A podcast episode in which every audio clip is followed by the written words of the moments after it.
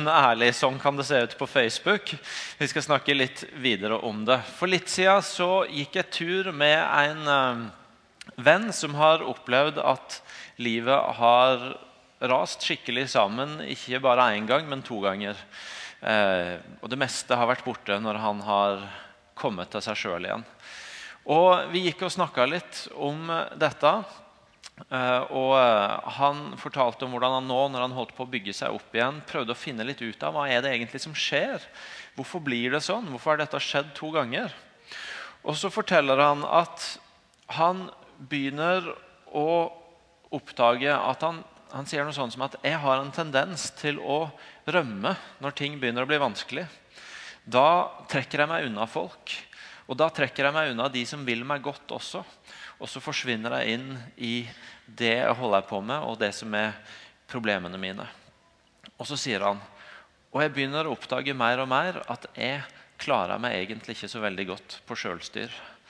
Jeg klarer meg ikke så godt på sjølstyr. Det går ikke så bra når jeg rømmer fra alt og alle. Du skjønner det er sånn at Selv om Facebook og sosiale medier har gitt oss en ny, unik mulighet til å skape en sånn bilde av oss sjøl hvor vi pynter litt på søndagene våre og unnlater noen ting som er ubehagelige, og kan fristes til å fortelle en virkelighet der og oppleve noe annet, eller bare fortelle de gode tinga der og være stille om det som ikke er bra, så er det ingen nyhet for oss mennesker at det kan være en fristelse å ikke være dønn ærlige, men å lage litt fasade, pynte litt på åssen vi egentlig har det.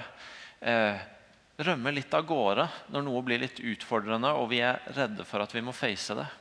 Det oppsto verken med Facebook eller andre medier, men det er noe som har vært der stort sett alltid. Hvis vi går til begynnelsen av denne boka som vi er så glad i, eh, så leser vi om skapelsen og syndefallet, om Adam og Eva om hvordan de, når de har spist av dette ene treet de ikke skulle eh, spise av, og går rundt der oppdager at nå er Gud i hagen og, eh, og er ute for å treffe dem, så strever han med å finne dem. Eh, han går og kikker etter dem, og de har gjemt seg. Og det står at Herren Gud ropte på mannen og sa, 'Hvor er du?' Og så svarte han, jeg hørte lyden av deg i hagen, og jeg blei redd fordi jeg er naken, og jeg gjemte meg. Og Da sa han, 'Hvem har fortalt deg at du er naken?' 'Har du spist av det treet jeg forbød deg å spise?' Og mannen svarte, 'Kvinnen som du ga meg å være sammen med, hun ga meg treet, og jeg spiste.' Både forsøket på å gjemme seg, forsøket på å bortforklare litt, og til slutt forsøket på å peke på nei, det var, det var hun sin skyld, det var ikke min istedenfor å være dønn ærlig på hva som egentlig hadde skjedd. Og det går i arv, for når de har måttet gå ut av hagen, og barna de sine, sønnene Kain og Abel, skal prøve å finne ut av livet, så oppstår der en misunnelse mellom de to. og Den misunnelsen blir så sterk at eh, Kain slår i hjel sin bror Abel. Og når Gud kommer til Kain og spør hvor er din bror Abel, så svarer han, 'Jeg vet ikke. Jeg er min brors vokter.' Igjen denne herre Jeg har ikke noe med det å gjøre. Denne viljen til å stikke litt unna, til å ikke svare helt sant, til å pynte litt og se om en kan komme unna med det. Og Hvis vi skal se på våre egne liv, så vil jeg tro at de fleste av oss kan kjenne oss igjen på et eller annet område. At det er ikke alltid vi instinktivt har lyst til å være dønn ærlige med hvordan alt er. Det er ikke alltid vi har lyst til å legge den blanke sannheten på bordet og, og bare være åpne med sånn er det. Eh, kanskje kan du kjenne deg igjen. Jeg vet at jeg kan kjenne meg igjen i ikke den karikerte utgaven, men noen ganger i kanskje den litt mildere utgaven av at det er fristende å fortelle om alt det som er bra, men ikke alltid like mye om, om det som er litt utfordrende. At det er fristende å pynte litt på, at det kan være fristende å gjemme seg litt unna. Finne en omvei, peke på noen andre. Det er ikke alltid at det vi har mest lyst til her i livet, er å være dønn ærlig. Kjenner noen av dere dere igjen? Ja, det er litt nikking.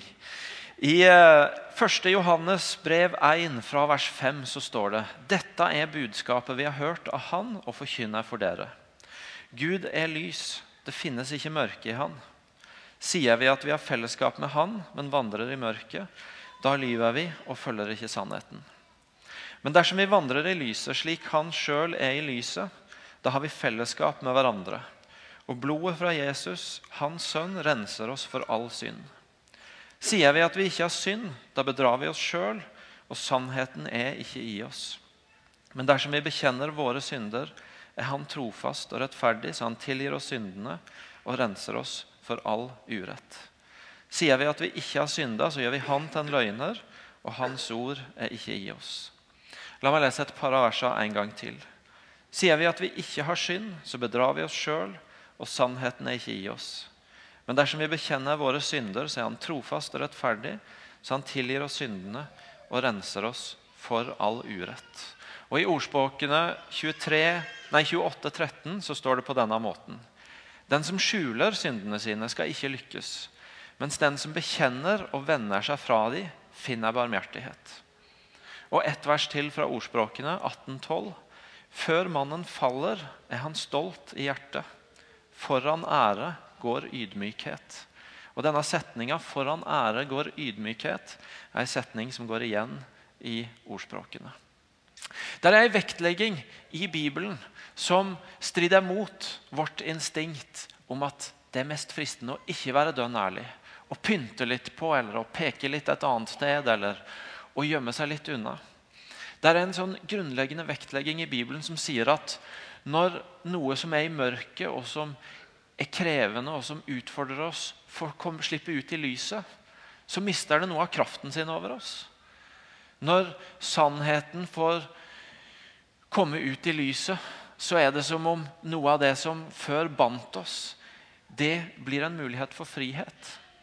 At det er det som vi kan kjenne er skummelt, nemlig at noen skulle få se åssen det egentlig er, faktisk er en mulighet for Gud til å gi oss en ny frihet og til en ny start og til en ny mulighet på livet. Jesus sier i Johannes 8 at sannheten setter deg fri. Jeg er sannheten, og sannheten setter deg fri. At det er en grunnleggende mulighet for oss mennesker i å ikke stikke oss unna, men i å være dønn ærlige. Og gjennom det oppleve at frihet kan bli utfallet. At, frihet, at dønn ærlig kan bli startpunktet på en vei mot frihet.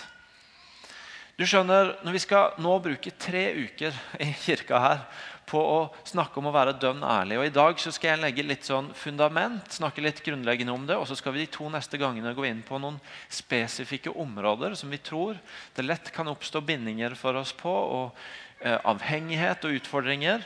Og så skal vi se litt nærmere på de. Vi skal bruke tre uker på det, så er ikke målet vårt at nå skal vi bruke tre uker på å sitte og røre i alt det vi syns vi ikke får til. Og så skal alt bli så bra bare vi sitter og rører litt i begrensningene våre.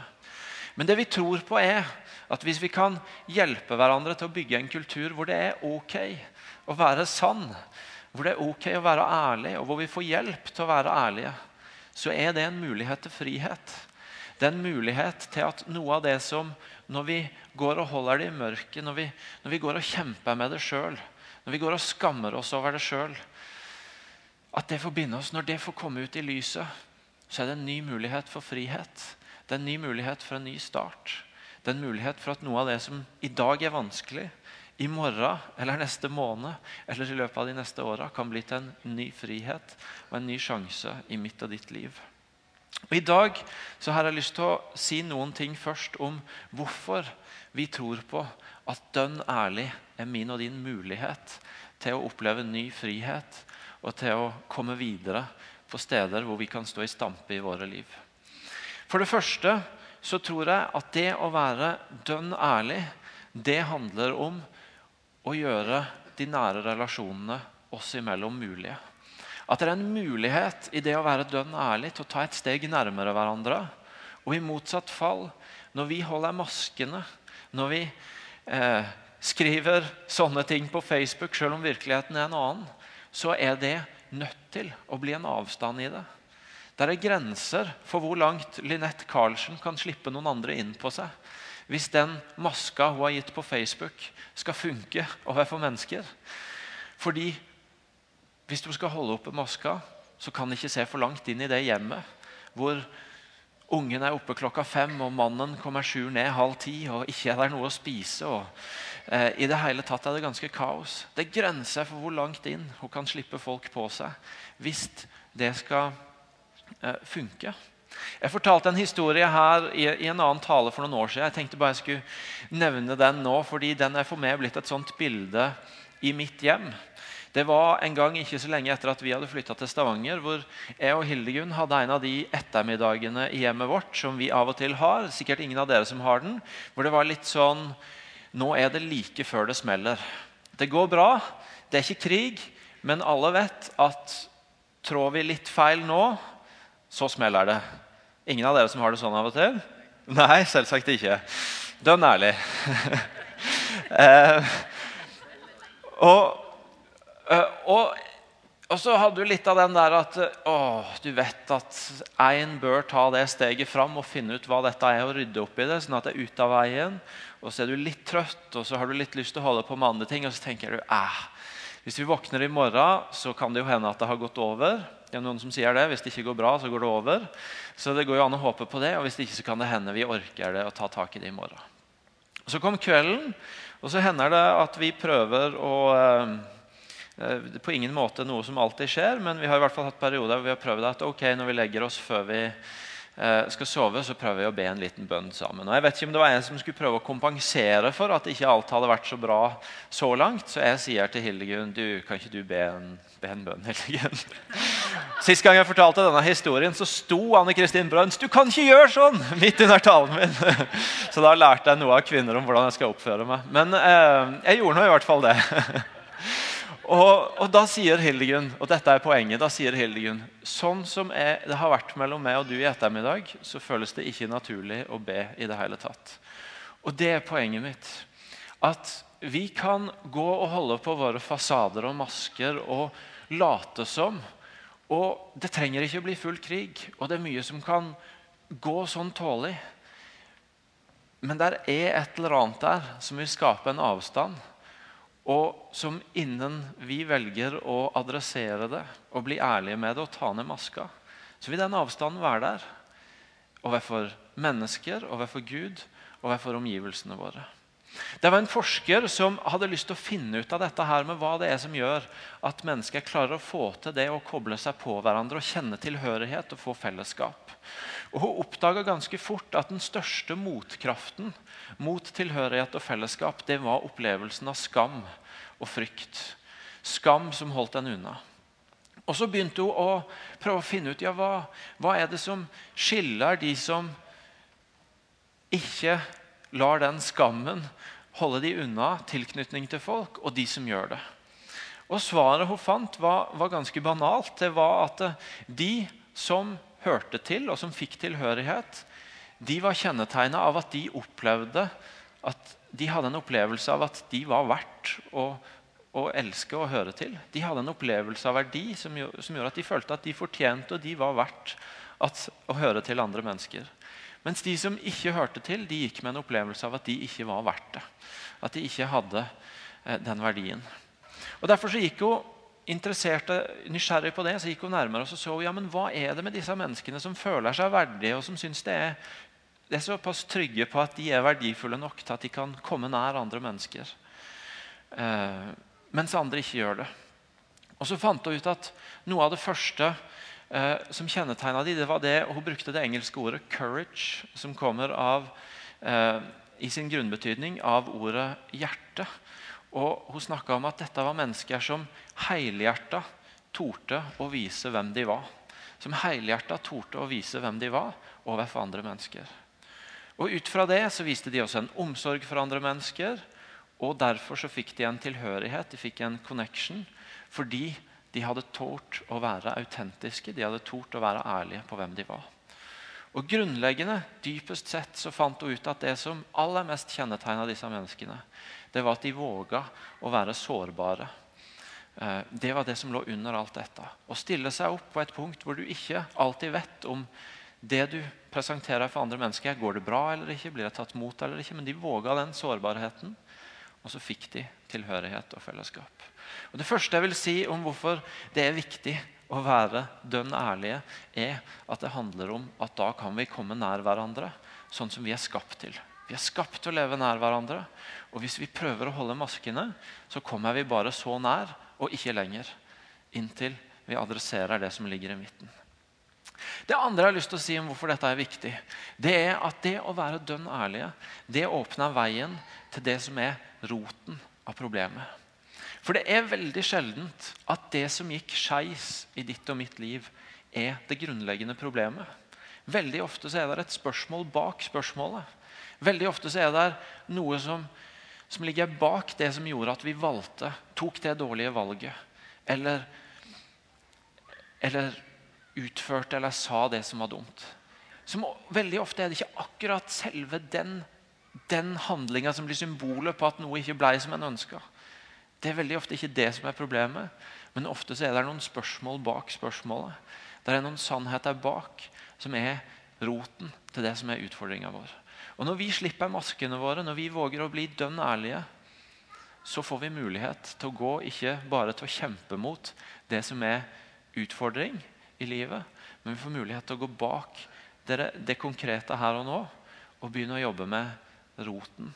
Det som er spørsmålet bak spørsmålet. Det som fører til noen av utfordringene vi står i.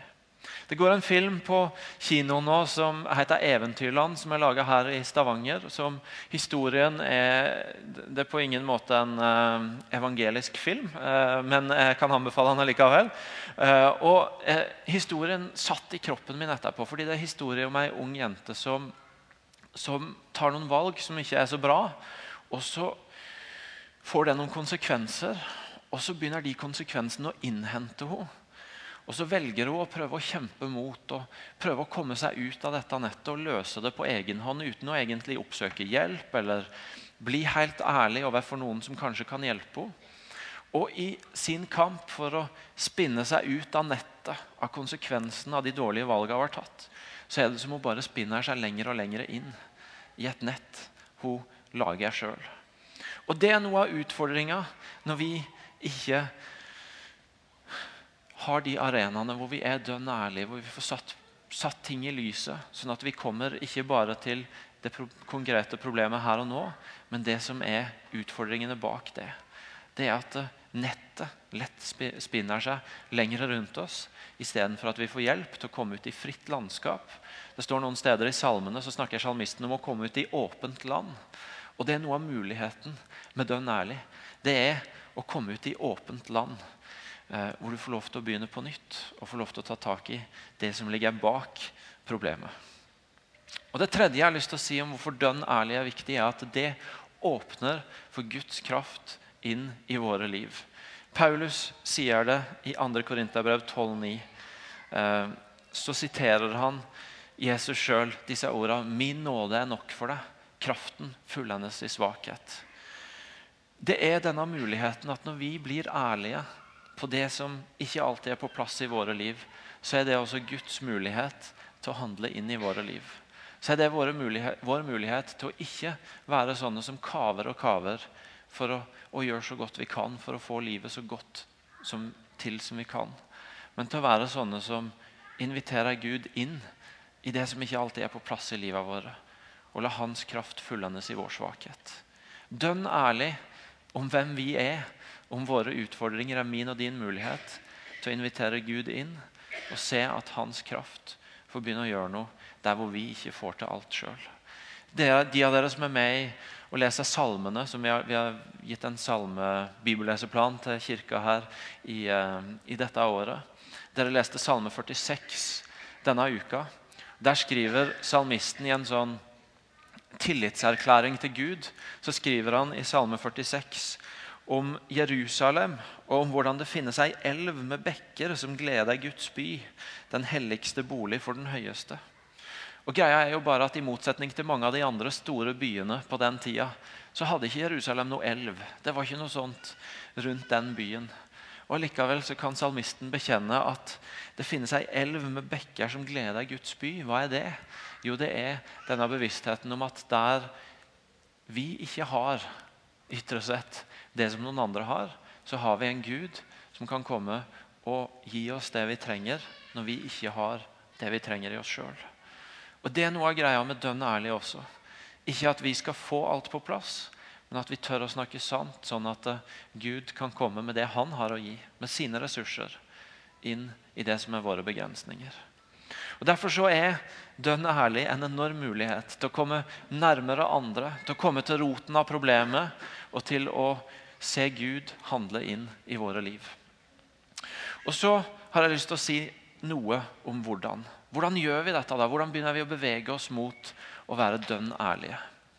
Det første handler om å ha mennesker rundt oss som vi har etablert at vet du noe, her er det ok å sette navn på hvem jeg er, og hva som er mine utfordringer. Å plassere oss i nærheten av mennesker hvor vi bare har bestemt oss for eller er blitt enige om at vi snakker sant sammen. Han Kompisen min som jeg fortalte om i starten, han spurte meg litt lengre ute i den gåturen. Du, vakler ikke du av og til?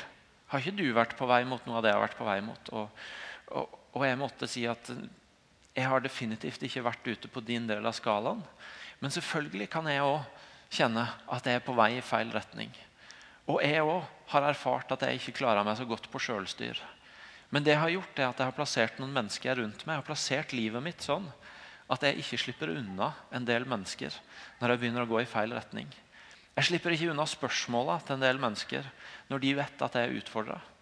Og jeg har noen mennesker som er så tett på meg at de vet noe av det som er mitt problem når jeg blir pressa, og når jeg får noe av mine utfordringer med å få lyst til å flykte og rømme.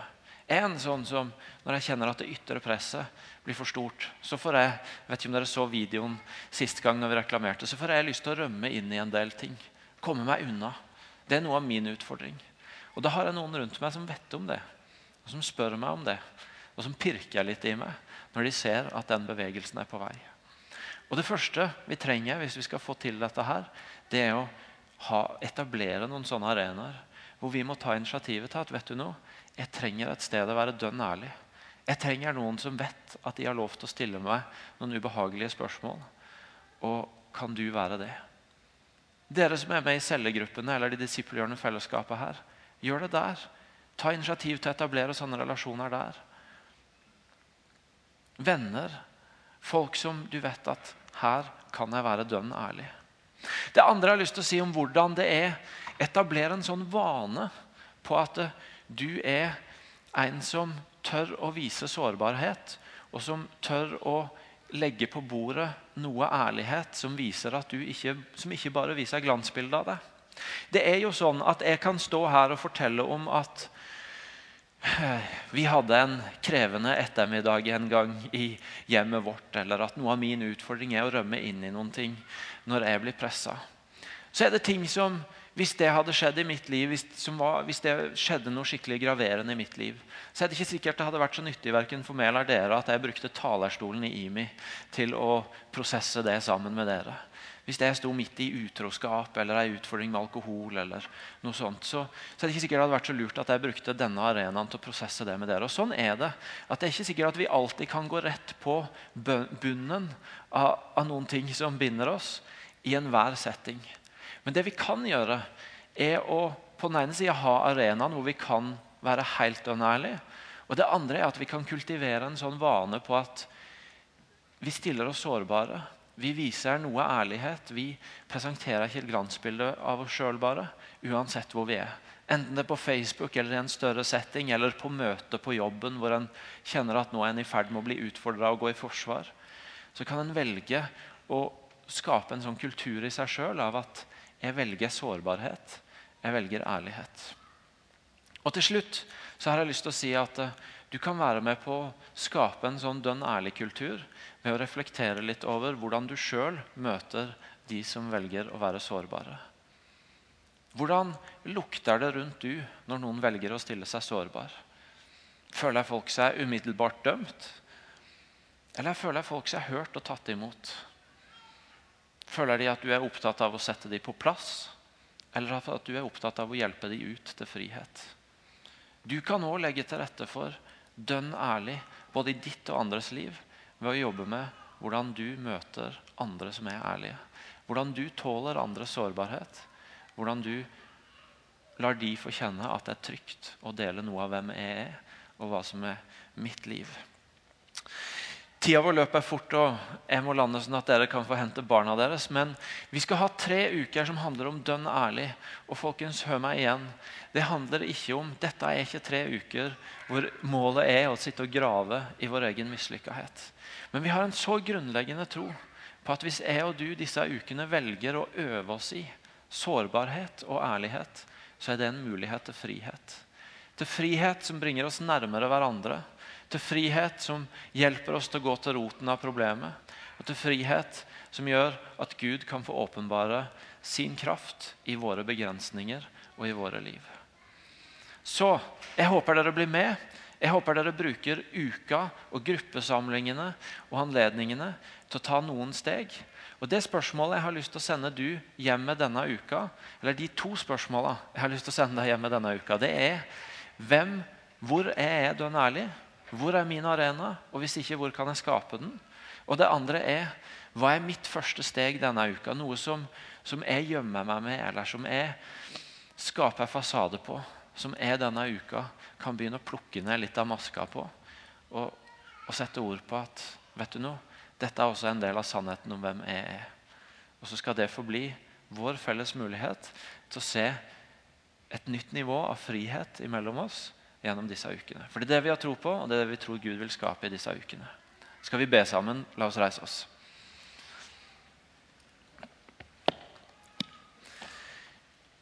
Jesus, jeg har lyst til å takke deg for at du kom med et budskap som var så motstrøms det som er lett for oss å tenke, nemlig at det er fasade som er greia, at det er fronten vår som er greia, at det er hvor mye vi klarer å bite tenna sammen og klare oss på egen hånd som er greia.